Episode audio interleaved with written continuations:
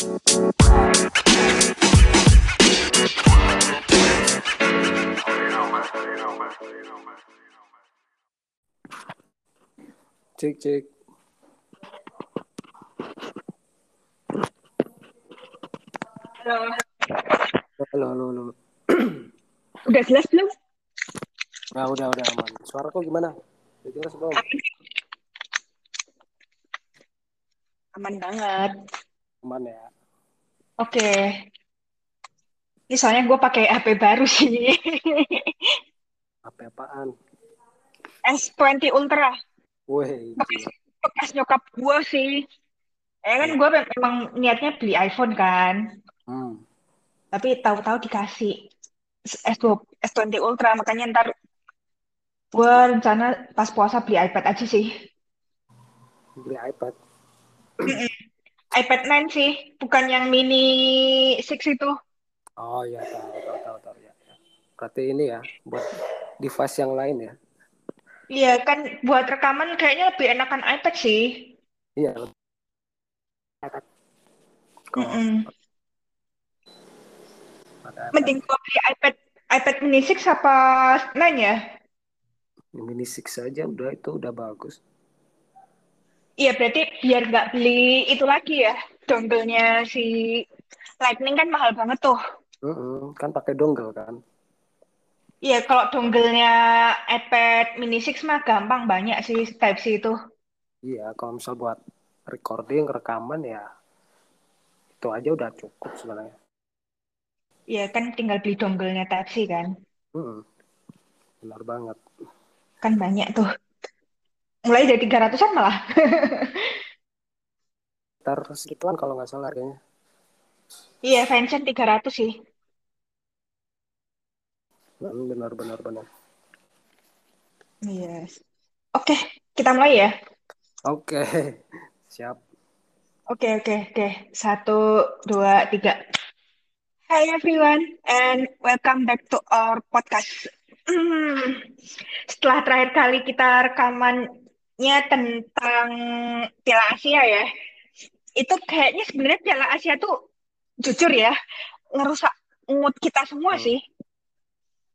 Sebenarnya bukan karena timnas kita, timnas timnas kita, ya ka- kami sayang banget dengan timnas kami, jujur aja ya. Iya, Tapi iya. yang bikin gerah itu sebenarnya netizennya itu loh, yang gara-gara ah lu mundur aja sono nggak usah main gitu. Aduh itu gua udah anut banget sih itu pas Piala Asia itu. Ya sebenarnya kalau Piala Asia kemarin kan kita kan harapannya ya udahlah nonton mau kalah mau menang terserah gitu kan tapi nggak tahu kenapa respon dari eh, netizen ya yang ada di Indonesia tuh terlalu kayak berlebihan gitu kan Iya exposure-nya betul betul. makanya Iya kayak kayak kayak bener-bener. ah gitu kan tapi ya udahlah Iya namanya juga kayak pertama kali disiarin di TV kan sepak bola perempuan itu di TV terestrial kan. Jadi ya maklum sih. maklum aja maklum ke depan tuh nggak nggak terlalu kaget orang-orang itu Ya, seperti yang Coach Rudy bilang kan, dia juga ya sama lah sebenarnya. Hmm, benar-benar Oke, em, kita me- sebenarnya kenapa kita tiba-tiba rekaman kayak gini ya? Karena kita ternyata besok itu udah Champions League. iya nggak berasa ya udah cepet banget ya Nggak berasa. Iya, padahal kan ya kalau semisal lo ngikutin sosial media pribadi gue, at the Minino, belakangan ini kan gue memang bener-bener kayak mengedukasi diri tentang Liga Latin. Ya, Liga MX Femenil gitulah. yes benar benar benar Nah, itu. Tapi kalau ngomongin soal Liga MX itu, kapan kita mau sharing-sharing? Itu nanti sih. Mungkin gue harus mengedukasi diri dulu sampai bener-bener bahannya tuh dapat gue ngerti semuanya gitu, sedikit, sedikit demi sedikit. Karena gue kan masih baru kan. Jadi ya mungkin pas musim baru aja sih kita iya bahas liga baru yang mungkin bener-bener asing di kalian. Tapi timnasnya sebenarnya tidak asing. Terutama kalau kalian itu ngikutin Kenty Robles di Real Madrid. Oh iya benar-benar itu itu itu ada keterkaitan sebenarnya. betul. Dan kan memang sih Kenty Robles tuh malah melintang di Spanyol. Semua klub itu, klub besar itu udah dia masukin semua gitu loh. Benar-benar bahkan kalau misalnya kita sambungin ya di kita kan bicara uh, Women Champions League ya. UEFA Champions League ini kalau tadi bilang Kenty Robles, Kenty Robles di Real Madrid nih ya, khususnya di Liga Champions wanita.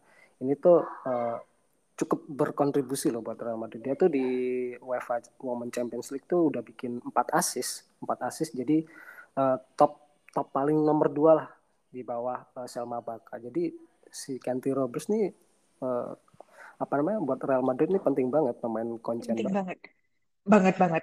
Um, mungkin kalau in the future seandainya seandainya Robles memang udah nggak pengen di Eropa lagi, mungkin bisa kali ya kayak Rebecca Bernal gitu kan, karena kan tapi ini lebih universal sifatnya gitu loh. Iya benar. Sebenarnya Kenty Robles bisa lah speak speak sama anak-anak Liga MX. Yuk lah main mm -mm. ke gitu loh.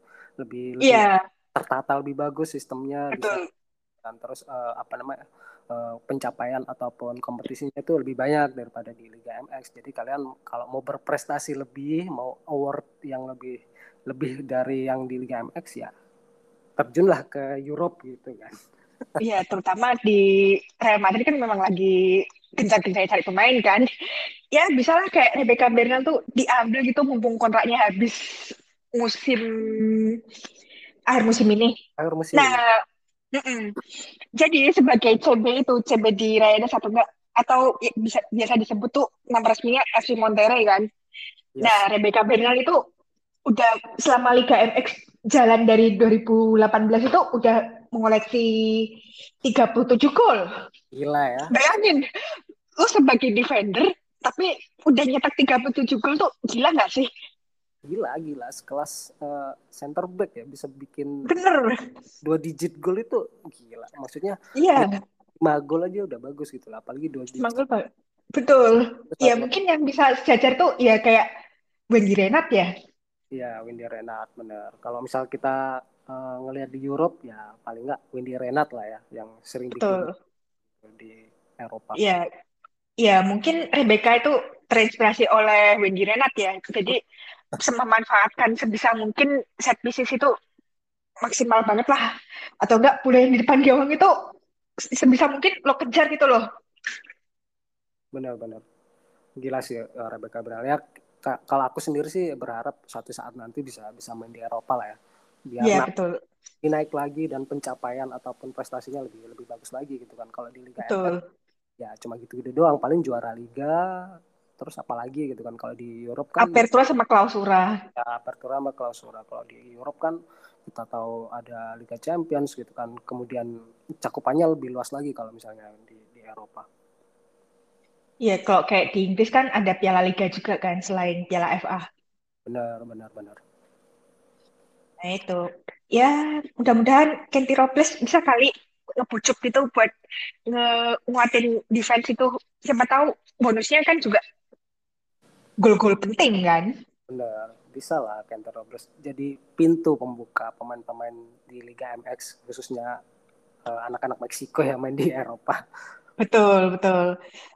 Ya sekarang kita ngebahas soal apa sih yang terjadi selama grup stage itu. Nah terutama selain Chelsea yang tiba-tiba gak ada gak ada hujan outnya itu bener-bener nyesek gara-gara ke dibantai sama Wolfsburg gitulah. Iya ya, sebenarnya ini ini jadi headline banget sih. Jadi headline ya.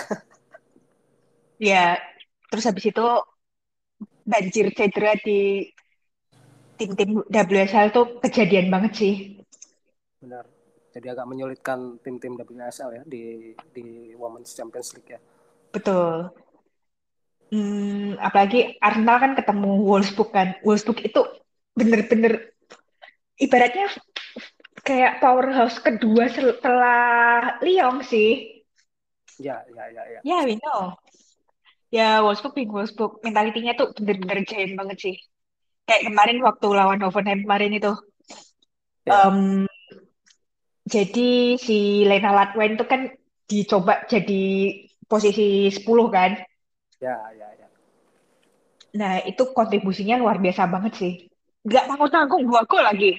Ya, dua gol ya. Jadi kayak berhasil aja sih uh, naruh si Lina ini di posisi tersebut gitu. Jadi berhasil Betul. Semoga di besok lawan Arsenal mungkin bisa ditempatin di posisi. Bisa, betul, bisa banget sih. Um, kemudian di Champions League itu selama grup stage itu ada kurang lebih 12 eh kok 12 sih 14 juta penonton yang mengakses channel YouTube-nya Dazn itu dari 210 negara sih total. Gila, Wah, gila. ini gila banget sih. Gila. 14 juta penonton terus dari 210 negara termasuk kita. Gila, gila. Pasti. Itu ya misalnya di di di di apa namanya? di ditukar sama tiket pertandingan gitu kan di seluruh dunia itu udah nggak kebayang gitu kan seramai apa gitu kan Liga Liga Champions. Sebenarnya ini dapat spotlight yang gede loh sebenarnya ini Liga Champions. Oh. wanita ini di Europe nih. Sebenarnya kuncinya se supaya orang bisa mengakses sepak bola wanita tuh make it visible lah. Ini PR banget buat Liga Jerman atau liga-liga Eropa lain. Dan mungkin selain selain itu orang juga banyak yang ngikutin Liga Meksiko kan. Ya. Liga Meksiko perempuan itu memenangkan banyak banget penonton dunia itu dibanding laki-lakinya ya. Ya, karena itu tadi yang kita bilang bahwa akses kita orang-orang seperti kita yang nonton itu kan butuh akses gitu kan. Ketika akses Betul. itu orang ya bakal nonton gitu secara kontinu. Bahkan mulut ke mulut kita cerita sama teman, eh nonton ini yuk. Uh, akses aksesnya gampang kita nonton yuk. Akhirnya merembet lah ke teman-teman yang lain akhirnya nonton. Set, uh, ya paling penting itu akses dan si Nadine akses. Nadine Kessler ini sangat sangat berhasil banget buat pinter uh, banget mencipta, marketingnya. nah marketingnya menciptakan sistem gimana caranya uh, Champions League yang cewek ini bisa diakses banyak penonton. Dan akhirnya ya 14 juta itu bukan angka yang sedikit gitu itu masif sih. Ya, that's why uh, Nadine Kessler itu adalah legend di luar dan di dalam lapangan. Ya, sebenarnya benar-benar. Sama kayak kemarin aku uh, bikin podcast sama Viola gitu kan, uh, exco SBWI. Dia juga, juga sempat nonton juga, sempat nonton Liga Champions wanita gitu kan. Terus uh, kayak tanya sama aku, kok gampang ya aksesnya? Iya ya tinggal nonton YouTube doang kita udah bisa update bisa nonton gitu kan. Akhirnya dia tahu kulik gitu kan. Kenapa sih kok bisa banyak diakses? Akhirnya dia tahu yang namanya Nadine Kessler ternyata uh, bikin sistem seperti ini gitu kan di di UEFA. Akhirnya ya semakin banyak orang yang akses semakin banyak orang yang tahu gitu kan. Um, di dalam lapangan sendiri tuh Nadine Kessler tuh kalau nggak ada Nadine Kessler Wolfsburg tuh nggak bakalan on the top sampai sekarang. Iya benar. Salah satu kuncian lah di Wolfsburg dalam sejarah Wolfsburg ya di tim wanita. Betul. Iya kayak udah gitu pertama kalinya tuh langsung treble kan. Jadi juara Liga Jerman, DFB Pokal dan juga langsung Champions League. Yang Champions League itu final pertama mereka tuh benar-benar dramatis banget sih. Itu penalti. Terus habis itu waktu itu Lyon itu kan masih ada Megan Rapinoe kan terutama. Masih ada Megan Rapinoe. Betul, itu gol penaltinya Martina Muller sih. Itu bener-bener legend gila sih itu Martina Muller itu. Dramatis banget asli. Itu final tahun 2013, tepatnya di Stamford Bridge. Stamford Bridge ya, 2013. Betul, betul. Nah, ngomongin soal quarter final lagi, dan besok itu udah mulai kick off. Dimulai dari Bayern versus PSG. Yes Bayern ini lagi naik turun sih. Uh, ya sih, kalau aku lihat di Bundesliga kayak naik turun ya, tapi nggak tahu di beberapa pertandingan yang aku lihat dua tiga pertandingan ini kayak kayak ngegas gitu kan, uh, kayak uh, mengecilkan atau mengerucutkan poin lah biar nggak ketinggalan jauh sama Wolfsburg yang di peringkat satu. Betul. Uh, dia tuh kayak on fire yuk, gas lagi yuk. Ini udah mau akhir musim nih. Kalau misalnya kita leha-leha doang, ya juara Bundesliga bakal hilang gitu kan. Akhirnya yang kulihat dua tiga pertandingan terakhir mereka agak ngegas gitu buat buat apa ya meminimkan poin lah sama Wolfsburg di peringkat satu. Dan sebenarnya itu sejujurnya ya Bayern itu ibaratnya diesel sih. Dia itu suka telat panas di awal. Ya babak pertama tuh macam struggling gitulah. Kemudian iya. babak kedua tuh baru baru iya. ngegas banget. Itu kemarin dua pertandingan yang gue lihat tuh ya begitu.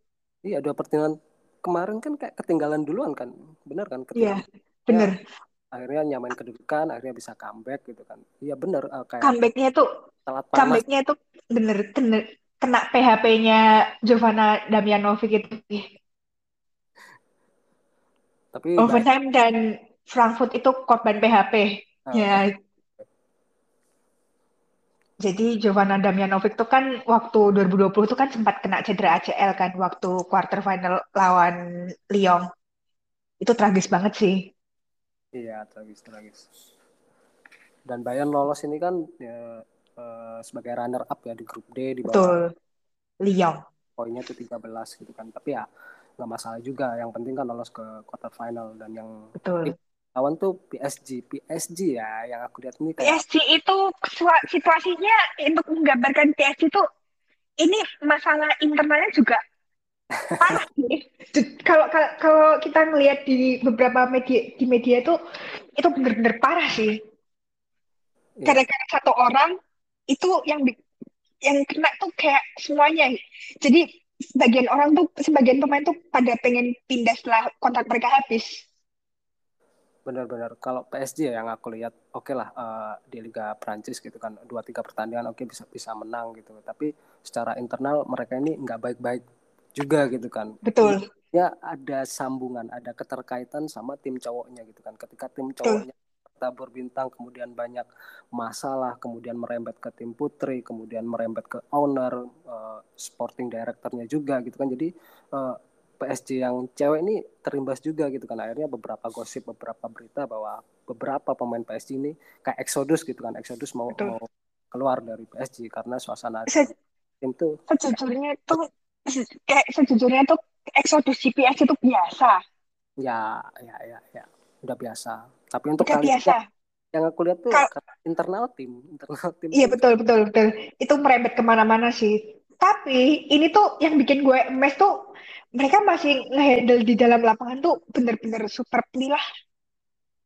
benar-benar jadi Didier oleh Nicole ini ya lumayan lah bisa menghandle pemain-pemainnya gitu kan dari terpaan berita miring di luaran sana gitu kan Betul. Dan sporting directornya jangan lupa Ulrich Rem itu bener-bener istimewa sih.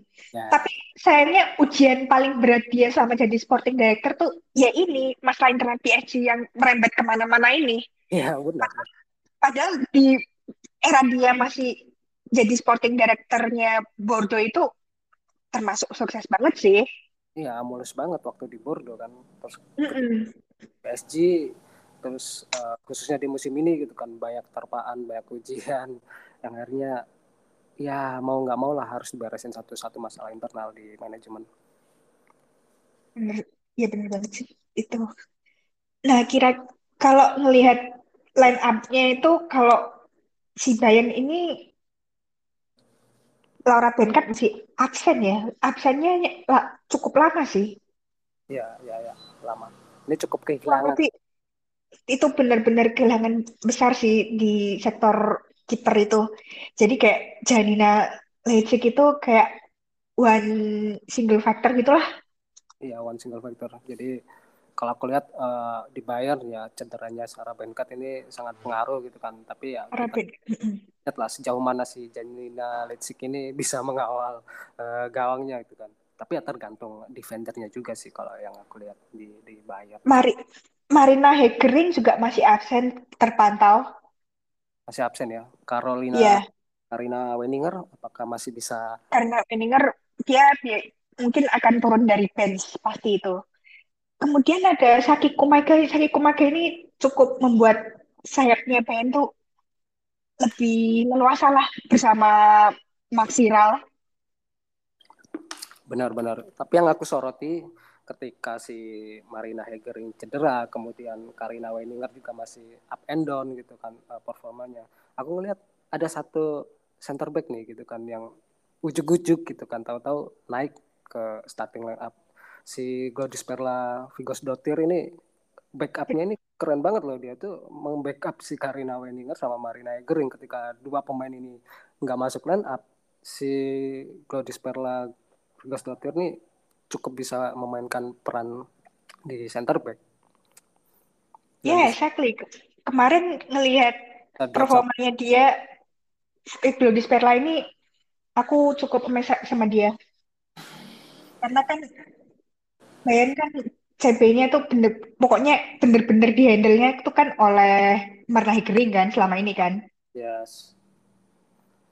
Em, kemudian kayak Julia Quinn tuh masih dari cadangan juga sih ya kalau big match gitu masih cadangan kayak ya semenjak eh, dari cedera ya kayak performnya masih masih belum belum maksimal ya masih up and down gitu kan selepas cedera. Jadi mungkin ya masih turun dari bench eh, kalau yang lihat si Giulia Guin nih. Em, what about Anna Glass Hannah Glass pastilah. Jadi eh, apa namanya poin utama di di center back itu kan. Yang bisa apa ya ngecover menghandle si Vigos Dotir maupun Saki Kumaga atau Maximilian Ral gitu kan. Ketika tiga pemain ini mungkin eh, membantu penyerangan ya ketika ada serangan balik ya Hannah Glass inilah yang yang mengcover tiga pemain ini gitu kan. Dan tetap jadi utama tetap. Kemudian Vivi Asai kan juga baru comeback tapi dia bener-bener jadi super sub sih ya ya ya VVAC gitu Eh, super sub lah kalau yang kalau misal besok lawan PSG ya kalau yang aku lihat mungkin ya jadi super sub kemungkinan jangan. kemungkinan kalau gue lihat sih se- Vivian Asai itu bakal main dari awal sih. Mau main dari awal oke. Karena kan dia ngerti banget karakteristik tim-tim Prancis tuh kayak apa. Ya mu- mungkin mungkin mungkin mungkin bisa ya mungkin bisa jadi gitu kan. Eh, Mm-mm. No excuse honestly. To not starting Vivian Asai ya kemudian PSG kayaknya yang minus itu cuman Stefani Lapi ya karena pensiun ya. ya Stefan eh, Stefani Labe ya yang pensiun tapi ya masih ada eh, goalkeeper yang lain gitu kan yang bisa backup gitu kan. Kova lagi naik juga sih.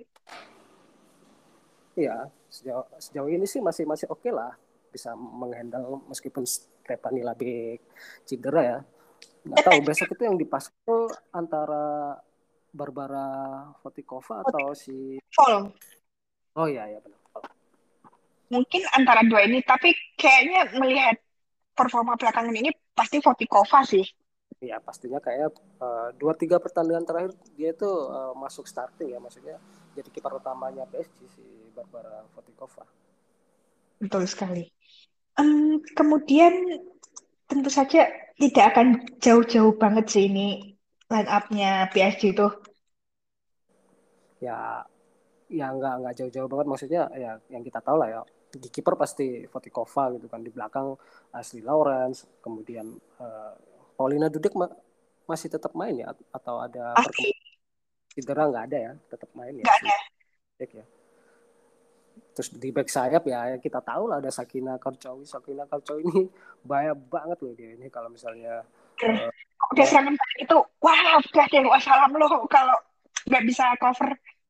Iya benar-benar. Jadi back sayap yang cukup rajin membantu eh, serangan si Sakina gitu kan. Tapi yang yang aku jadi underline tuh duetnya si Paulina Dudek nih. Apakah Amanda Ilestet ataukah si Elisa di Almeida yang bakal jadi duetnya gitu kan. Dua tiga pertandingan terakhir yang aku lihat tuh Elisa di Almeida yang yang yang dimainin. Iya, uh, Amanda. Iya. Dibanding Amanda Lestat ya. Hmm, benar-benar Tapi sepertinya di, didir oleh Nicole lebih percaya Elisa de Almeida ya. iya dua tiga pertandingan terakhir di Liga Prancis uh, buat duetnya si Paulina Dudek ya Elisa di Almeida Amanda Ilestet masih di bangku cadangan Iya, itu sebenarnya sayang banget sih. Tapi yang disorot di sini adalah di lini tengah sih, Bang. Kita lihat eh, Sarada Bridge akan melawan mantan timnya ya, seperti apa gitu. Betul. Dan kayaknya kok si Bayan kayak ngerasa kode-kode gitu ya. Iyalah, pastilah. Dengan situasi yang tidak kondusif di internal PSG bakal kode- kode-kode lah ya, biar bisa balik lagi ke Bayern. Iya, iya. Tapi kenapa nggak ke mungkin coba liga lain mungkin daripada Bayern kan masa balik ke Bayern tapi kalau balik ke Bayern kita nggak bisa komplain dong karena kan itu keputusan ada balik lagi ke dia Iya benar. Kalau aku jadi salah David sih kalau misalnya mau achievement atau award yang lain ya pindah maksudnya selain Bayern dan maksudnya di, di tim lain entah itu di Liga Inggris ataupun di liga-liga lain gitu kan. Kalau Bayern ya kak balik lagi kalau buat aku balik ke Bayern ya ke zona nyaman lagi, zona comfort zone lagi gitu kan. Apa yang mau didapat ya di situ ada gitu kan. Tapi kalau misalnya si hmm. ada mau pengen dapat pengalaman atau uh, istilahnya experience lebih gitu kan mau cari tantangan ya harusnya nggak usah pilih Bayern ke tim lain gitu aja. Mm-mm. Atau mungkin Manchester United nganggur atau kayaknya butuh banget tuh, butuh banget. Tapi tapi kreatif tuh Manchester United itu sebenarnya.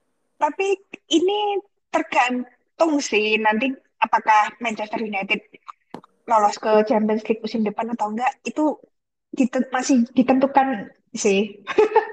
iya benar-benar. Jadi Manchester United yang cewek nih ya, yang aku lihat kalau dia bisa masuk ke Champions League itu value-nya bakal naik banget loh ketika nanti musim berakhir banyak banyak pemain besar dengan nama besar bisa bisa ini masuk ke Manchester United karena bisa masuk ke Champions League ya kalau misalnya besok bisa uh, qualify di ini Champions League. Betul.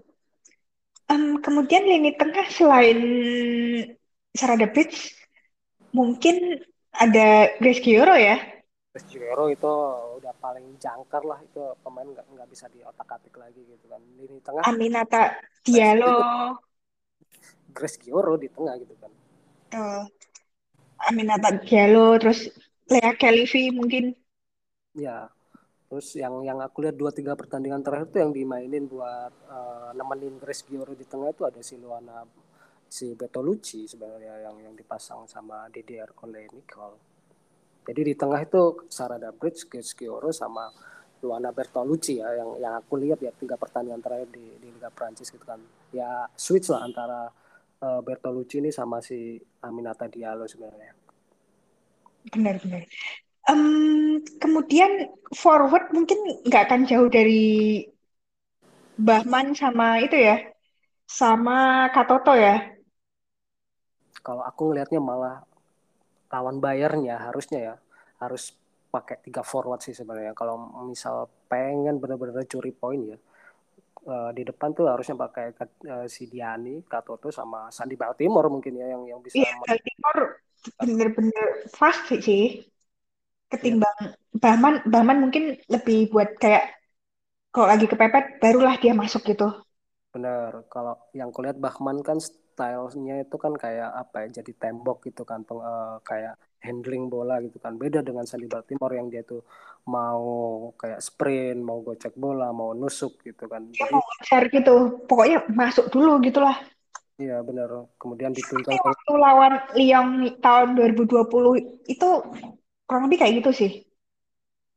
Iya apalagi Bayern ya yang di lini belakang tuh dalam tanda kutip uh, defendernya tuh udah masalah umur gitu kan masih berumur gitu kan. Kasih spin aja sama Sandy Baltimore bakal bakal kewalahan sebenarnya kedodoran gitu. Kemudian prediksi gimana nih untuk Bayern versus PSG gimana leg pertama kan akan main di Allianz Arena dulu baru ntar yang second leg itu kan di Parc des Princes ya? Ya ya ya kalau buat aku sih Bayern PSG uh, eh, ngunggulin PSG ya terlepas uh, skema permainannya seperti apa sebenarnya Bayern lebih lebih unggul dari segi permainan kemudian ada ada masalah internal juga di PSG itu sebenarnya cukup juga gitu sama PSG gitu.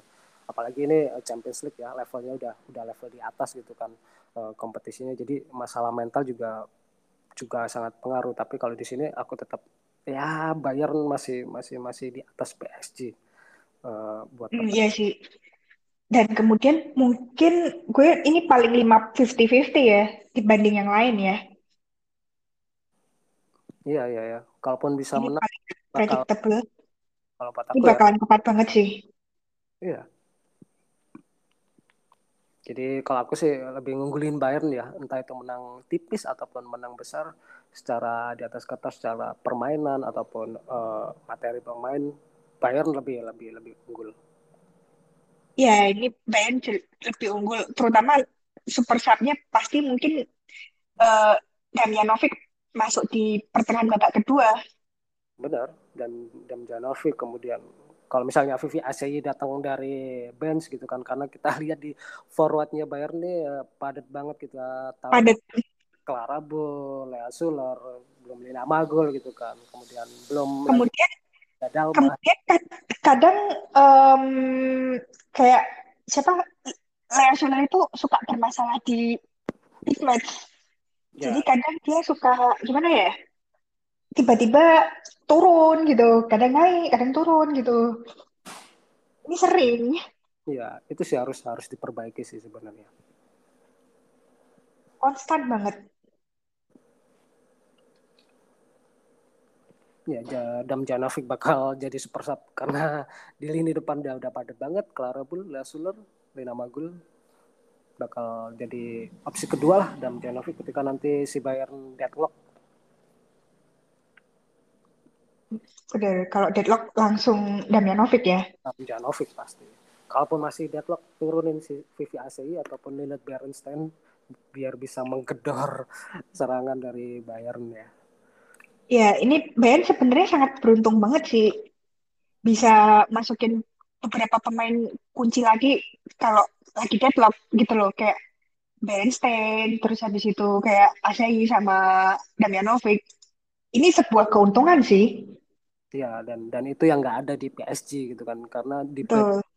kita tahu kita tahu cuma Jordan Witema doang yang backup di apa namanya di sisi penyerangan nggak ada pemain lain gitu kan Oke. Hmm, so sekarang kita beralih ke pertandingan yang satu yang buat besok itu berarti Real Madrid versus Barcelona. Hmm, sebenarnya sih udah gampang untuk diprediksi, cuman ya mana ya? iya udah gampang sebenarnya yang ya kita tahu lah handicap kemarin El Clasico gitu kan yang di Liga Spanyol Iberdrola gitu kan udah dilumat duluan 5-0 gitu kan sama si Barcelona jadi uh, Madrid ini masih belum lawan sepadan lah buat buat uh, materi dream timnya Barcelona itu masih masih belum di level segitu.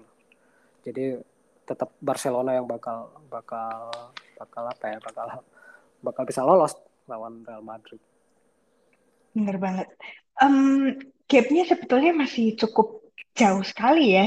Masih cukup jauh sekali, masih cukup jauh sekali. Tapi yang bisa digarisbawahi dari Real Madrid inilah apa ya?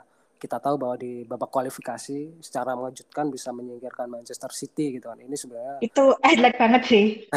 itu yang harus di underline gitu kan. Yang Betul. memupus harapan atau impian Manchester City di musim ini untuk berlaga di Champions League.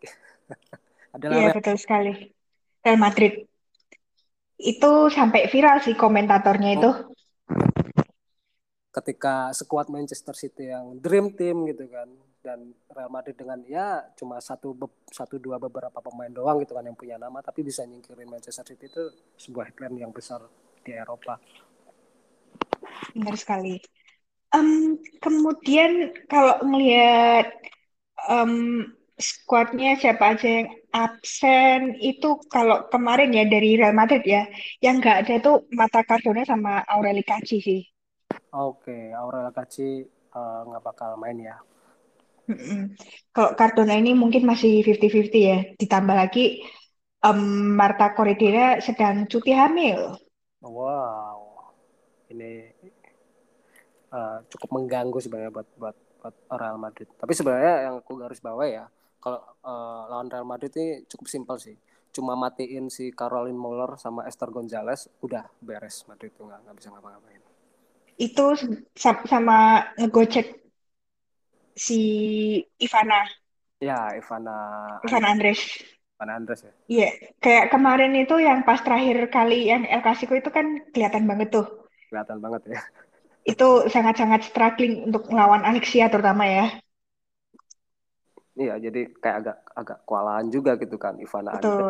Meskipun duetnya ada si Sofie Svafa, tapi kayaknya belum cukup untuk membendung. Hafiz Fafa itu masih perlu diasah lagi sih sebenarnya. Karena kan di Wolfsburg tuh kan dia susah sekali ya untuk nembus tim utama itu. Padahal waktu di Rosengat tuh dia juga salah satu pemain yang sangat potensial. Ya, tapi ya kita tahu lah Rosengard levelnya seperti apa gitu kan. Tahu-tahu beda level. Masuk masuk Wolfsburg gitu kan dengan beberapa pemain hebat di situ akhirnya sulit untuk bersaing juga di situ akhirnya ya tetap di bangku cadangan gitu kan. Ya pilihan tepat sih sebenarnya pindah ke Real Madrid untuk menambah jam terbangnya si Sofi Swafa. Benar sekali. Um, kemudian um, masih standar Real Madrid ya skuadnya ya kita tahu ya. Ya, ya, ya. Selain bisa Iya, ya sudah bisa diprediksi kayak Ganti Robles gitu. Plus ya, Ganti Robles juga harus harus diwaspadai ya karena yang aku bilang di awal tadi dia tuh di Liga Champions uh, Women ini uh, udah bikin 4 assist gitu kan. Perolehannya tuh sama sama sama Baka 4 assist. Jadi tertinggi bikin assist lah di di Champions League. Jadi Ganti Robles sama Caroline Moller, Esther Gonzalez kalau misalnya dimatiin dikunci aja udah beres Real Madrid. Uh, Betul ngapa-ngapain. Nggak bisa ngapa-ngapain. Kemudian kalau Barcelona kemarin yang absen itu kan hmm, Asisat Osoala ya, pertama ya. Asisat Osoala masih ini ya, masih absen ya? Masih absen. Ya, cedera lutut kalau kalau nggak salah ya. Lama juga sih. Ya sih lama juga. Tapi buat aku kehilangan Asisat Osoala sih nggak nggak terlalu pengaruh. Nggak ya. pengaruh, nggak pengaruh banget sih. Kemudian mungkin Lika Martins juga juga masih absen. Masih absen. Mariona ya? Caldente. Um, ya ketiga itu aja sih. Dan yang baru dapat medical clearance itu kan baru Iren Parede. Oke, Iren Parede. Ya. Yeah. Jadi sebenarnya tiga pemain absen ini walaupun punya nama besar dan kontribusi yang bagus buat Barcelona, nggak ngefek juga buat Barcelona. Nggak terlalu ngefek. Iya, nggak terlalu ngefek. Karena sebenarnya kunci di lini tengah tuh yang pasti Patrick Guijarro.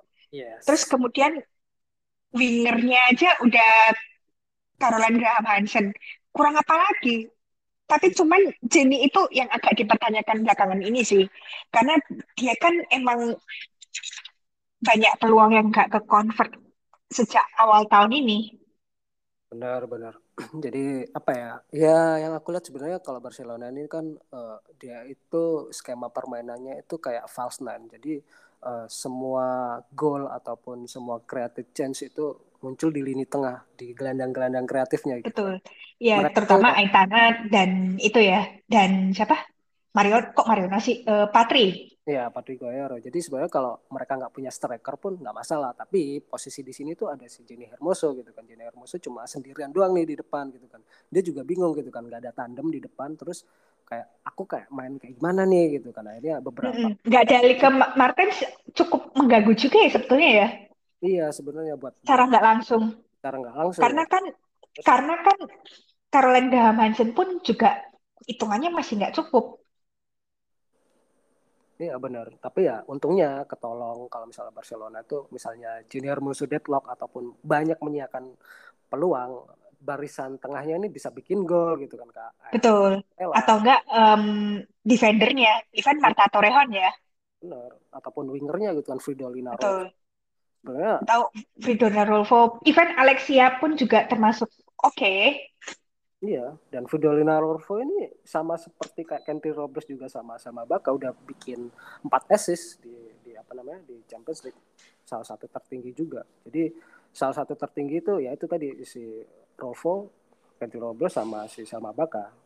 Tiga-tiganya ini 4 assist dan ini udah paling tertinggi di, di Champions League untuk musim ini. Iya bener. Um, top 3-nya aja, yang top assist saja Selma Baha, Kenty Robles, dan Rolfo. Ini menarik sih. Iya menarik. Untuk pertandingan klasiko jilid sekian besok. Dan kayak levelnya masih masih masih belum lah, belum belum level klasiko ya. Cuma menang nama doang. Betul. menang menang nama doang. Iya kayak ibaratnya kalau ngomongin klasiko nasionalnya di Liga MX perempuan. Iya iya gitu loh. Kayak di Liga perempuan kan juga kayak gitu kasarannya. Um, Jiva sama klub Amerika kan. Nah, klub Amerika ini kan kerjaannya juga cuman beli pemain doang, tapi tengahnya tuh kayak ompong gitu loh. Benar, benar, benar, benar. ah ini kenapa gue jadi sedikit melenceng ke Liga Meksiko sih? Tapi ya gimana ya? Ada sangkut pautnya juga apa ya? Ada kemiripan juga sih klasiko di football femenino di Spanyol dan yang di football femenil yang nasional itu. Mirip. Ya Mirip. memang menang nama. Cuman ya itu Tidak kualitasnya tidak dibarengi dengan kualitas pemain ya. betul betul masalahnya beragam gitu loh Jadi yang aku jadi yang aku harapin ya dari Madrid bisa jadi pembelajaran lah ya untuk masuk ke quarter final ini sebenarnya udah udah pencapaian bagus loh buat, buat Real Madrid yang dibentuk baru tahun 2020 kemarin ya. Jadi eh, inilah jadiin pembelajaran lah. Apalagi lawan Barcelona gitu kan. Mau kalah berapa kali pun ya jadiin pembelajaran aja lah buat next ke depannya buat membangun tim yang lebih kuat lagi sebenarnya buat Real Madrid. hmm, ya betul banget Em, dan itu masih panjang mereka masih umur 2 tahun dan masuk Liga Champions itu sebetulnya udah bagus banget sih Benar. Kualif kualifikasi ngalahin Manchester City gitu kan. Terus kemudian eh, udah masuk quarter final itu sebuah pencapaian yang bagus banget buat Real Madrid. betul apalagi grup B itu kan kayak saingannya cuma PSG beda dengan grup A kan udah itu tiga itu kan gontok-gontokan Iya, di, di grup B cuma ya PSG Madrid, kemudian Kharkiv sama apa sih yang bisa diharapkan gitu benar apa sih yang bisa diharapkan dari Kharkiv sama Breidablik gitu kan. Jadi ya Mm-mm. PSG sama Madrid ya yang yang secara hitungan bisa lolos ke quarter final. betul ya itu kayak sudah seharusnya lah masuk ke quarter final karena dari segi drawing itu sangat diuntungkan gitu loh kalau nggak taking ad- advantage ya berat itu Berat. kebangetan Benar. kemudian next em, kita ngomongin pertandingan yang hari malam Kamis itu Yes. jadi malam Kamis ada ya well em, Arsenal Wolfsburg kita Arsenal- mulai dari Ars- Arsenal Wolfsburg dan ya betul Arsenal Wolfsburg pada pukul 3 dan Juventus versus Lyon pada pukul 1 kurang 15 menit. Ya, ya, ya, ya.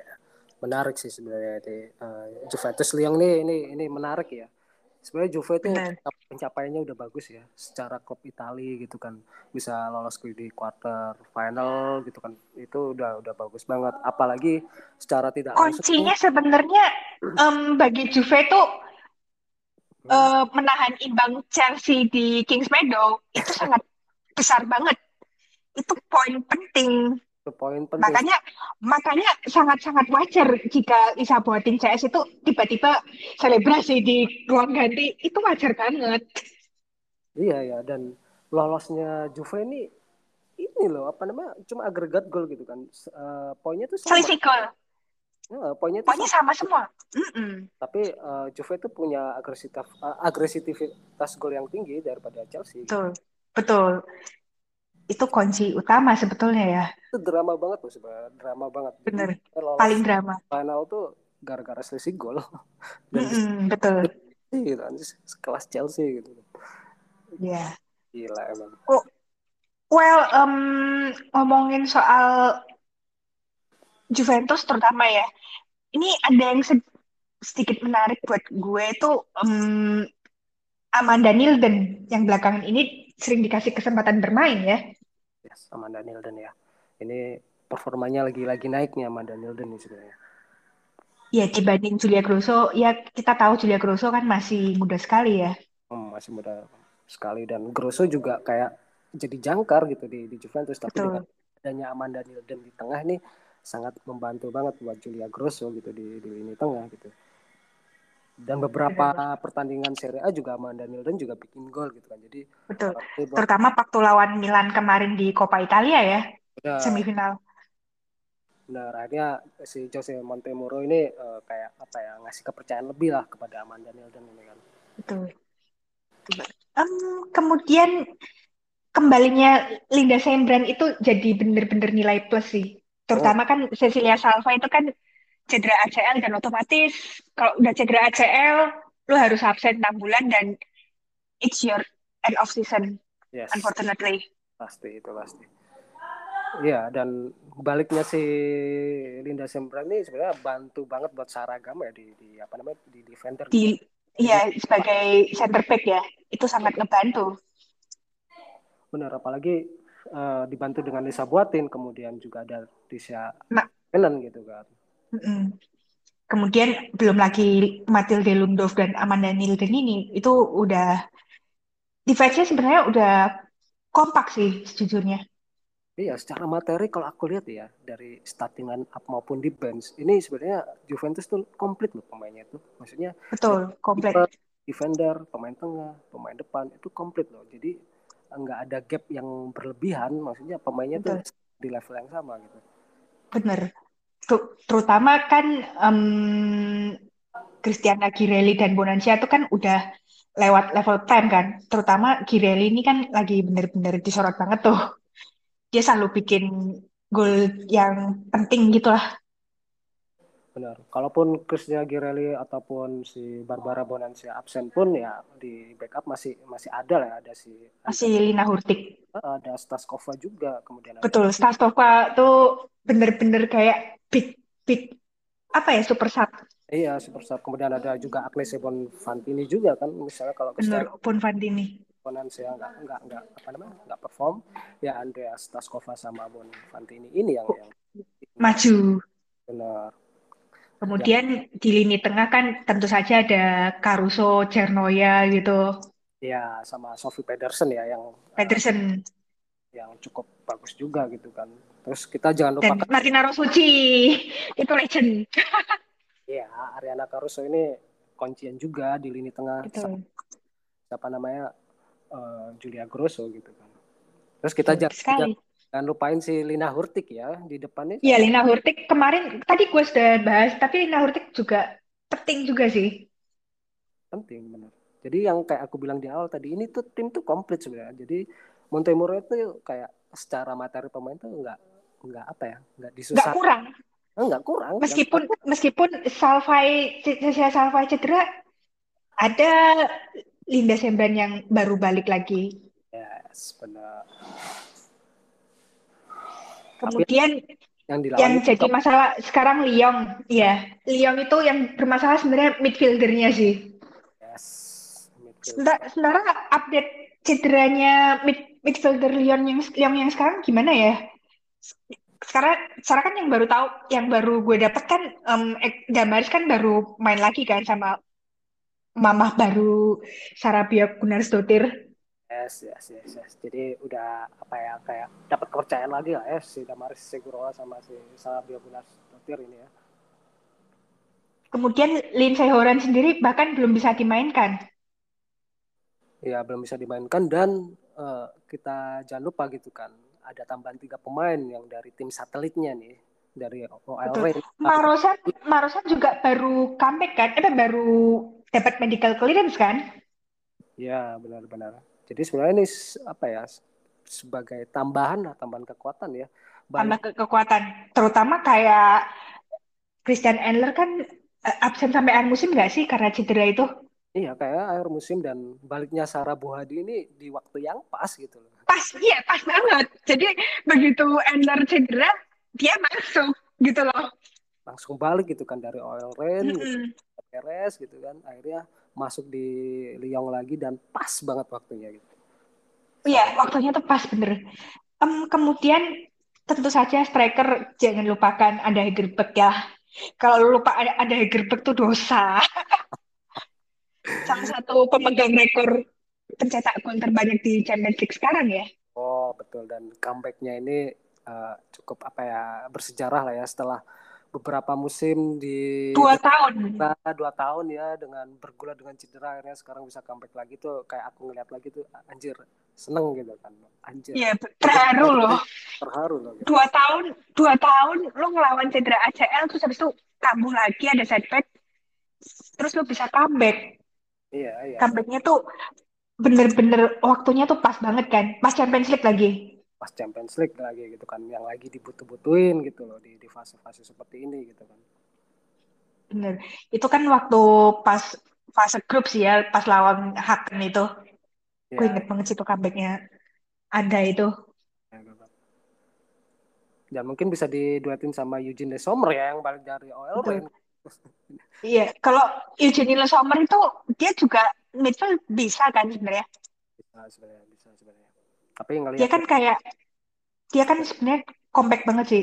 Meskipun usianya kita tahu lah tapi dia bener-bener pengalaman tidak bohong bro. Ya, betul betul betul.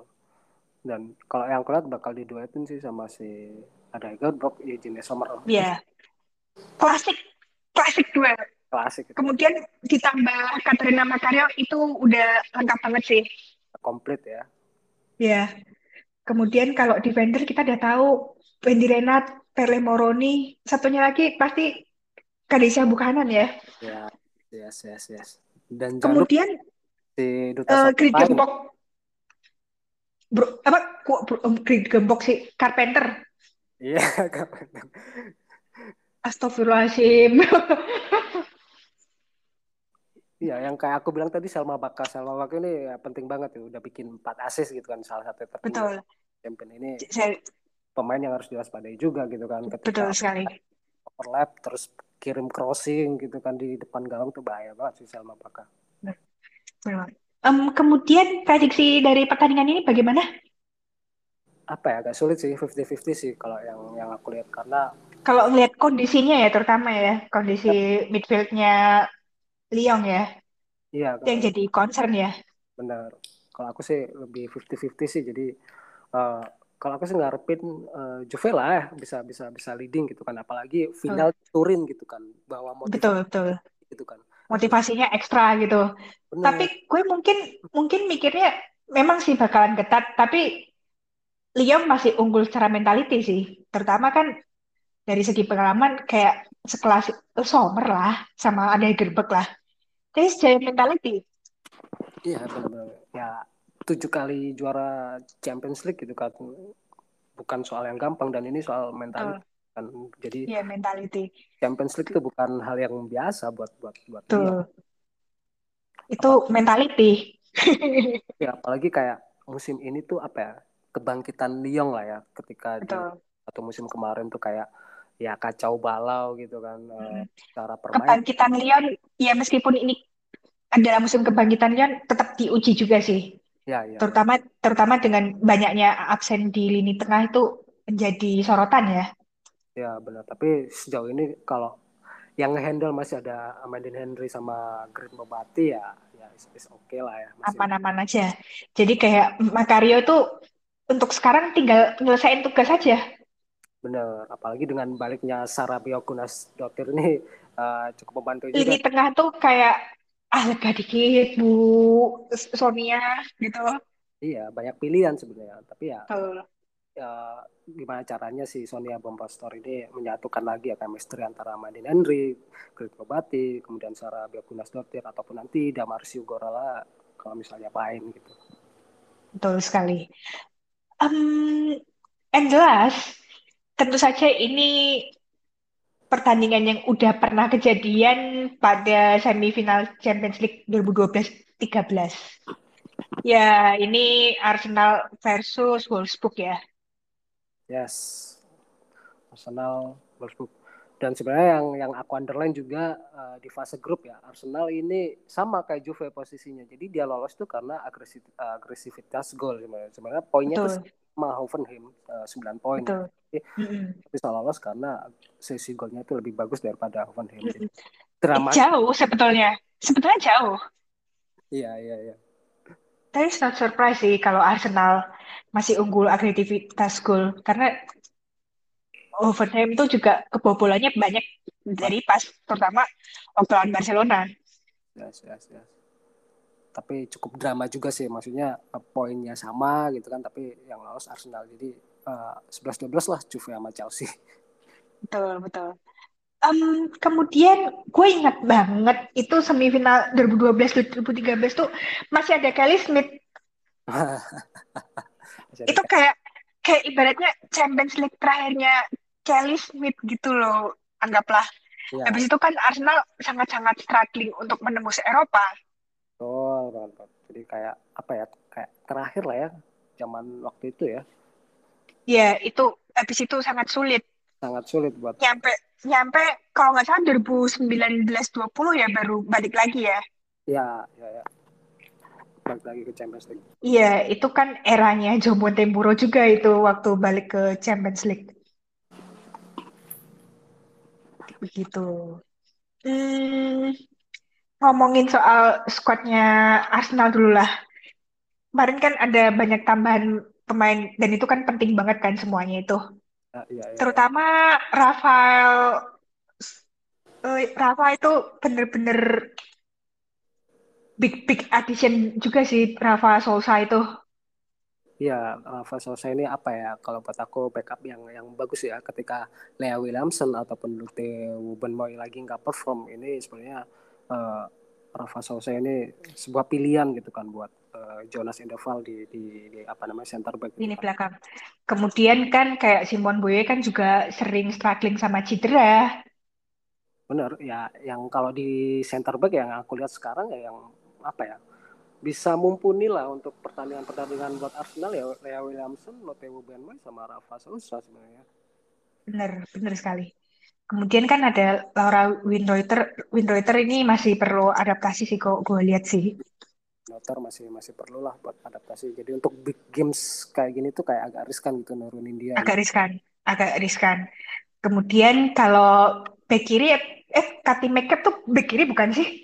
Iya sebenarnya dia tuh bisa Katie McCabe tuh bisa back kiri ataupun sayap kiri sebenarnya dia tuh versatile. Betul. Dia ya dia versatile juga kan. Asalkan di sayap kiri ya. Iya dan beberapa pertandingan juga Katie McCabe juga uh, jadi kayak starting gitu kan menggeser Betul. posisi dari Noe Maritz ya. Ya mental-mental baca juga itu. iya benar-benar. Jadi Katie McCabe ya pilihan utama lah di sisi back kirinya buat Arsenal itu saat ini ya kalau yang aku lihat. Kemudian ada yang menarik dari peran Vivian Miedema, tahu nggak sih? Tahu, tahu, tahu. Dia Nah setelah lebih ke dalam ya, lebih ke gelandang. lebih ke dalam, nggak dia kayak lebih ke kayak di belakang gitu nggak sih? Iya. Pokoknya belakangnya Stina Blackstenius. Nah, Itu menarik juga sih. Dan kayak kita, ya kita bisa melihat sendiri em, justru jauh lebih leluasa seorang Miedema bermain di belakangnya si Blackstenius dan Medo ya. yes, yes, yes. Jadi kayak apa ya, Jonas Endeval nih kayak ngasih instruksi gitu kan. Ketika lo gua kasih uh, main di tengah, ya lo sebagai free roll, lo mau ke mana aja silakan gitu kan. Asal bola bisa uh, lo passing ke depan ke Stina ataupun Kathleen Ford ataupun Tobin Heath di depan gitu kan. Jadi Iya, atau Betan Batmit ya. ya bad mid, bad mid, yes. Iya, itu kayak apa ya? Jadi perubahan gede. Ya kita tahu kan itu kayak apa ya. Cuman dia ternyata bisa Bisa. dikedalemin. Ya bisa dan dan apa ya untuk fan Arsenal tuh kayak apa ya jangan jangan uh, underestimate lah bahwa Viv Miedema kok jarang bikin gol ataupun Apa atau kayak atau kayak yang gampangnya tuh kayak apa ya? Kok Midema pemalas gini ditaruhnya kok di lebih ke, ke, dikedalemin gitu. Padahal justru keluar dari zona nyaman itu memacu dia juga loh. Iya benar. Jadi kayak jangan underestimate lah maksudnya Viv Miedema jangan mikir oh dia tuh striker tapi kok nggak bikin gol? Oh kita lihat dulu dia posisi di mana gitu kan ketika dia posisi ada di belakang striker ya dia uh, apa ya fungsinya buat buat kasih kasih umpan gitu kan ke ke depan gitu kan ke Stina Blackstenius dan kita lihat juga Stina Blackstenius di depan ini sangat bahaya juga gitu kan ketika dia dapat bola finishingnya nih kayak 100% gitu ketika dia ada bola di kakinya tuh pasti bikin gol sih Stina Blackstenius nih bahaya juga gitu. Jadi datangnya Hmm. Tina ini kayaknya merubah sedikit pola permainan Arsenal ya dan juga posisi Viv Miedema ya. Ya itu mes- meskipun apa ya cukup beresiko tapi kerasa banget sih Ya, kerasa banget. benefitnya. Bener. Tapi untungnya uh, di depan ada Stina gitu kan yang yang ya, Mm-mm. juga buat buat bikin gol jadi andalan juga gitu kan. Kemudian kalau ini tengah kan masih tetap Kim Little, Frida Manu, Monum, Iya, iya, iya, iya. Kim Little, Frida Manum, Lea Walti dan ya mungkin Walti. ada ketak Mungkin Viv Miedema maupun si Jordan Noobs ya mungkin bisa switch udah nap- bisa switch. Iya betul sekali. Em, kemudian kalau kita ngelihat secara tim Inggris nggak bisa ngalahin nggak bisa ngalahin klub Jerman di partai tandang itu kira-kira bisa nggak sih um, Arsenal mendekatkan gapnya gitu dengan Wolfsburg? Karena kita tahu kan Wolfsburg itu kan juga lagi bahaya-bahaya banget kan. Ya, ya, ya, ya. Tapi kalau untuk buat aku ya di posisi saat ini ya, karena Wolfsburg juga lagi struggling gitu kan. Jadi uh, apa ya, masih ada kans lah buat buat Arsenal buat uh, apa ya? At least three point satu, three point, three point satu aja. Iya benar-benar. Jadi Wolfsburg yang kita tahu itu bukan Wolfsburg yang dua tiga tahun yang lalu yang superior gitu kan. Wolfsburg yang itu uh, lagi-lagi struggling juga gitu kan, lagi membangun tim kayak Lyon gitu. Jadi mereka masih membangun tim. Jadi masih ada. Iya. Mereka lagi membangun tim dengan cara ya mematenkan seorang Tabea Wasmud dan terutama yang lagi kita yang kita tahu Lena Latwain selain kita tahu um, Lena Oberdorf itu pasti ya Ya pasti pasti pasti pasti. Dan kemudian kemarin kan yang kita tahu yang absen itu Pia Walter kan? Hmm ya ya ya ya. ya. Pia Walter tuh absen karena cedera aja. Uh, sementara Ewa Payor udah masuk nggak sih? Atau ya kayak mungkin bisa bisa masuk di bench ya si Ewa Payor. Nanti kalau misalnya si Alex Pop ataupun Sven Jahut yang lagi nggak perform ya mungkin bisa dimasukin gitu kan Ewa Payor um, kemudian Pauline Bremer juga belum lama ini ya comeback ya? Ya belum belum lama ini. Jadi uh, posisinya masih bisa switch lah sama si Lena Letwin ya. Ketika Lena Letwin mungkin nggak perform juga, ya ada opsi lah Pauline Bremer bisa bisa dimasukin di situ gitu kan. Bisa duet dengan Dan, gitu kan sama Jill Roth juga. Betul. Jadi, Dan kemudian good news lagi adalah Alex Pop udah comeback lagi. Ya ya ya Alex Pop udah udah udah. Itu mentalitinya bener-bener butuh banget sih Wolfsburg itu. Untungnya dia punya Tabia Wasmut ya yang sering bikin gol gitu kan. Di Eropa justru Tabia Wasmut yang berbicara banyak ya. Iya di Liga Champions dia top skor 8 gol Tabia Wasmut tuh. Betul. Betul nomor banget. Nomor dua tuh si Jordan Huitema gitu kan dengan 6 gol. Jadi Tabia Wasmut nih top skor sementara saat ini buat Champions League. Benar banget. 8 gol gitu kan. Um, ya, Ya, betul sekali. Um, kemudian nggak banyak transfer besar di musim dingin ini sebenarnya. Um, yang yang perlu digarisbawahi untuk musim depan ya Merle From dan Julie Brand. Julie Brand ya. Julie Brand untuk musim depan. Buat ke Wolfsburg ya, Julie Brand ya. Iya, musim depan. Dan kalau Merle From kan dia pasti itu kan balik kan hitungannya balik lagi ke Wolfsburg ya dan juga kayak Almut Skut udah udah lewat lah masa Almut Almut Skut dia rencananya memang cabut. Ya, cabut kan. Dan karena dia tidak berpanjang kontrak sama dengan Ana Blase ya, jadi kayak ini misal ini ibaratnya kayak sedikit end of the era lah ya. Karena ya. kan kita tahu Ana Blase dan Almut Skut itu kan eh Almut Skut kayaknya belum ya waktu itu ya? Iya dan kayak oh, belum. kayak aku belum sih Iya, kayak belum waktu itu. Masanya um, udah Ana Blase, Ana Blase terutama ya. Itu kan legend banget sih itu di Wolfsburg ya. Legend banget. Dan masanya juga udah lewat gitu kan. Kasihlah kesempatan uh, untuk pemain lain gitu kan. Ya kita tahu lah Wolfsburg itu siapa sih kiper ya pasti Almuskut gitu kan. Ya udah saatnya lah. Uh, udah saatnya. Udah saatnya. Dipulangkan lah jadi si Merle From itu. Merle From itu aku uh, kayak apa ya kayak uh, love maksudnya pertama kali suka sama Wolfsburg tuh karena Merle From sebenarnya gitu kan. Betul. Ya, Merle From tuh dulu orang tuh kan banyak menyayangkan karena Merle From tuh nggak dapat tempat. Makanya kenapa Merle From itu awal, akhirnya cabut ke Freiburg dulu, baru ke Frankfurt gitu. Begitu dia bersinar di Frankfurt, akhirnya Wolfsburg kayak nyesel nih. Yaudah deh, gue pulangin gitu. Ada pulang deh. Iya, ya apa ya maksudnya dia beberapa tahun gitu kan jadi bayang-bayang Almut Scott gitu kan ngapain gitu kan lebih baik kayak ah gua keluar dulu deh cari pengalaman gitu kan. Maksudnya cari jam terbang yang bagus ketika nanti perform udah bagus pasti bakal dipanggil balik lagi gitu kan sama Wolfsburg. Akhirnya ya kesampaian untuk musim depan si Berley From bakal balik ke Wolfsburg. Dan ini tambahan yang cukup bagus juga nih ketika si Almut Scott uh, cabut datang Merle From yang maksudnya level secara permainan juga nggak beda jauh gitu kan Merle From juga goalkeeper yang bagus juga dan sekarang udah di nomor satu Udah teruji. kan ya Dia sudah teruji. iya dan dan bisa dapat posisi nomor satu di goalkeeper timnas Jerman si Merlef. Betul. Makanya begitu dia dapat posisi satu timnas Jerman tuh siapa ya siapa yang nggak pengen sih sama Merlefrom ya udah deh. Meskipun kontraknya sampai 2023 ya ya udah tetap dipulangin gitu loh. Ya tetap dipulangin. Betul sekali. Em, kemudian prediksi mungkin gimana nih? Apa ya? Tetap masih 50-50 ya Ars- kalau buat aku Arsenal Wolfsburg ini eh, dua klub ini materinya juga juga apa ya sama lah ya kalau buat aku. Dan kenapa Arsenal yang aku bilang 50-50 itu karena performnya musim ini juga sebenarnya bagus. Tapi karena beberapa pemain cedera kemudian eh, padatnya ya jadwal di Inggris gitu kan, heeh. itu cukup mengganggu banget buat buat performa Arsenal gitu kan. Yang harus bermain di Bener. kompetisi sekaligus ya di di di Inggris gitu kan. Beda dengan si Wolfsburg gitu kan. Cuma ya DFB Pokal kemudian Bundesliga kemudian ya Liga Champions gitu kan. Kalau Arsenal empat kompetisi sekaligus gitu. FA kemudian WSL terus eh, Champions League kemudian satu lagi.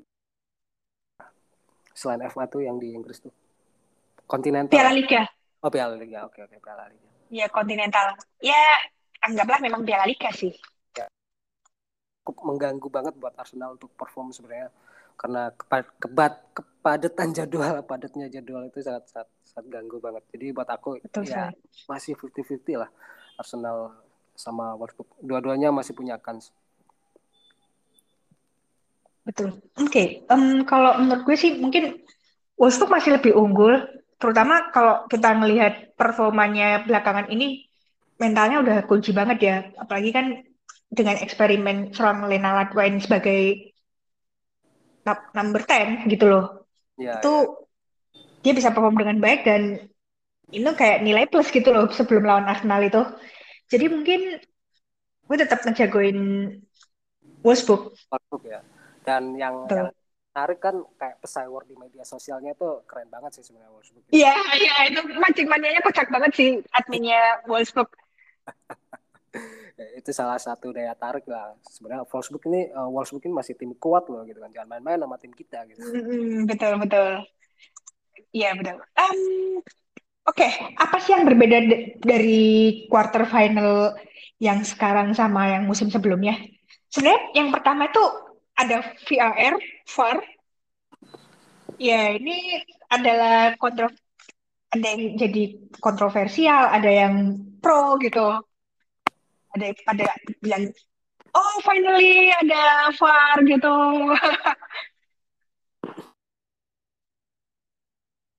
Nah, untuk musim ini adanya VAR ya. Jadi eh, agak berbeda. Eh, tahu di Champions League yang sebelum-sebelumnya di fase quarter final ataupun semifinal atau fi- final gitu kan. Pasti ada drama-drama entah itu keputusan wasit dan sebagainya. Kita kayak nyalain kondisi di wasit gitu kan. Ini kenapa sih gitu kan? Tapi dengan hadirnya VAR semoga bisa membantu atau mungkin bisa bikin drama-drama yang lain gitu kan. Jadi menarik di sini untuk apa ya bisa tetap eh, nonton gitu kan Champions League.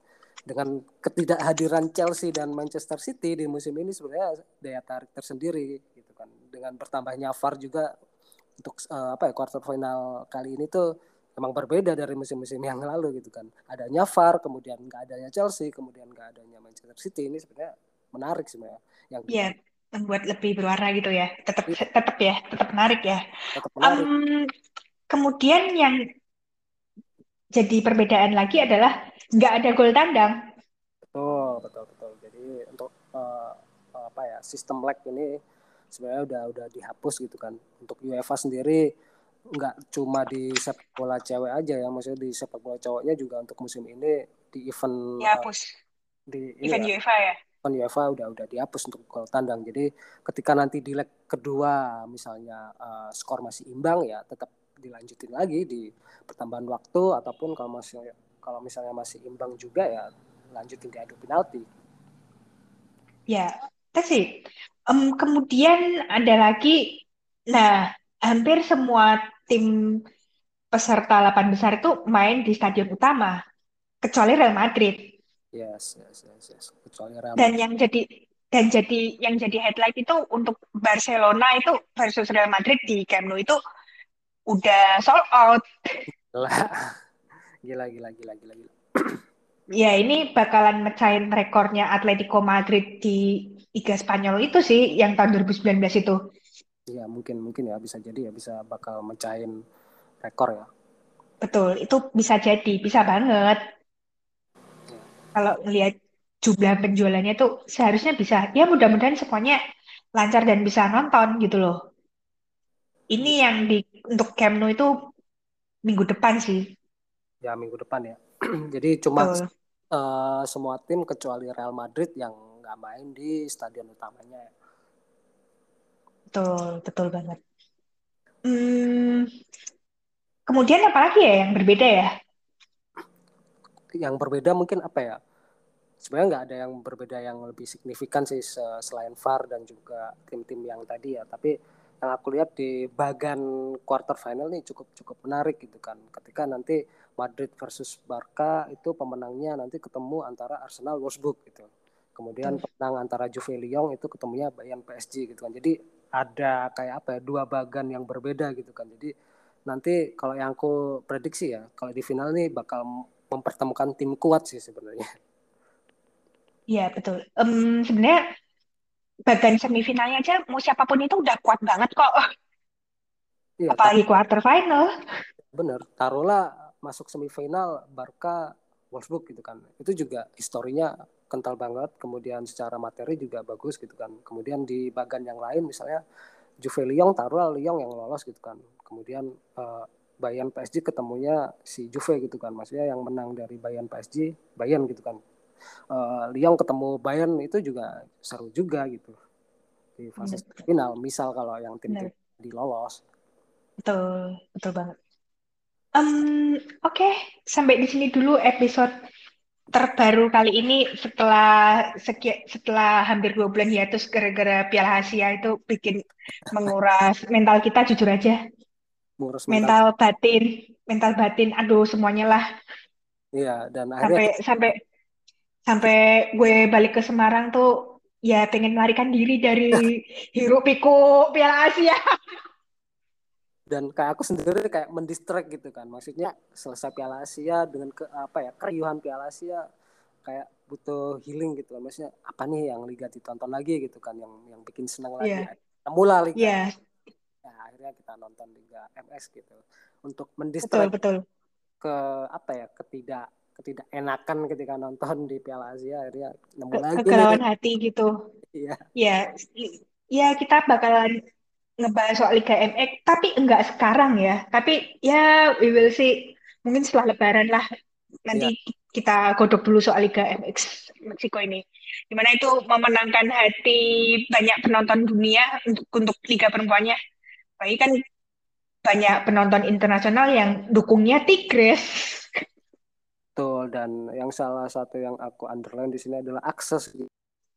Betul, itu dan kapan gitu kan. Jadi untuk orang itu nggak terlalu sulit, jadi bisa ada cakupan luas gitu. Ya mungkin Ya, next pokoknya orang awam tuh gampang banget. Lah, Tigres, Tigres gitu. Iya benar. Ya mungkin Tapi kalau dengan adanya dengan adanya dengan depthnya timnas Meksiko yang makin bagus, mungkin orang jadi bakalan ngikutin tim-tim lain, terutama kayak Rayadas atau Monterrey gitu kan. Ya betul betul. betul. Ya mungkin di next Terus Amerika, klub Amerika. Mungkin the next lah, ya kita godok dulu materinya untuk Liga MX. kita harus memperbaharui Kita, lagi ilmu-ilmu Liga MX gitu kan. Eh, ya, kemudian berkenalan dengan kulturnya, Ya betul. Kulturnya, rajin-rajin bertanya dengan orang sekitar. Benar. Rata-rata maksudnya belum belum belum apa ya belum paham paham MX ini kayak aku kulik dulu gitu kan. Nanti kalau misalnya udah udah benar-benar infonya itu udah di luar kepala ataupun dasar gitu kan baru nanti kita kita bahas gitu kan biar nggak nggak ada mis eh, misinfo gitu misleading info ketika nanti kita betul, betul, betul. Iya, kalau untuk menguasai itu minimal satu tahun sih. Karena kan kita tetap harus berkenal dengan luar teknis. Yang aku agak hmm. pelajari sih kultur ini kulturnya kayak gimana gitu kan. Untuk secara tim pemain ya lain ataupun liga-liga yang lain ya, tapi kulturnya nih yang yang agak berbeda gitu. Ya. Betul, betul. Yang lagi dikulik tuh apanya tuh? Ya kulturnya gitu kan. Ketika tim ataupun pemain betul, betul. ya kayak liga-liga biasa lah udah udah kita ketahui pemainnya kayak gimana tim-tim yang historikalnya kayak gimana. Tapi kulturnya ketika tim tim A lawan tim B kok bisa seru ya kemudian kok banyak ditonton orang ini kenapa gitu. Itu sebenarnya yang yang yang masih aku kulik gitu. Tuh nah sampai di sini dulu episode ke sekarang episode berapa sih 28 ya kalau nggak salah ya untuk yang terakhir kan 27 tuh ya 28 jadi ya episode 28 Jangan lupa Kalau ya. salah mohon dimaafkan dan jangan lupa untuk menonton Women's Champions League quarter final dimulai dari Rabu dini hari pukul 00.45 waktu Indonesia Barat. Ya, kalian bisa nonton langsung di YouTube channelnya Dazen UWCL.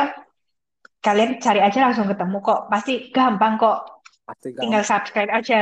Subscribe dan klik notifikasinya. Nanti kalian kalau nggak terlalu perhatiin pasti ada notifikasinya langsung dari HP kalian. Ya, Oke, sampai di sini dulu kita sampai di sini dulu untuk episode kali ini ya. Nggak yes. kerasa udah le lebih dari satu seperempat jam kita mau cabut dulu. Yes. Gue Nino dan saya Ijal. Kita pamit dulu dari studio virtual kita. Sampai jumpa semuanya. Bye bye. Bye, thank you. Cheers.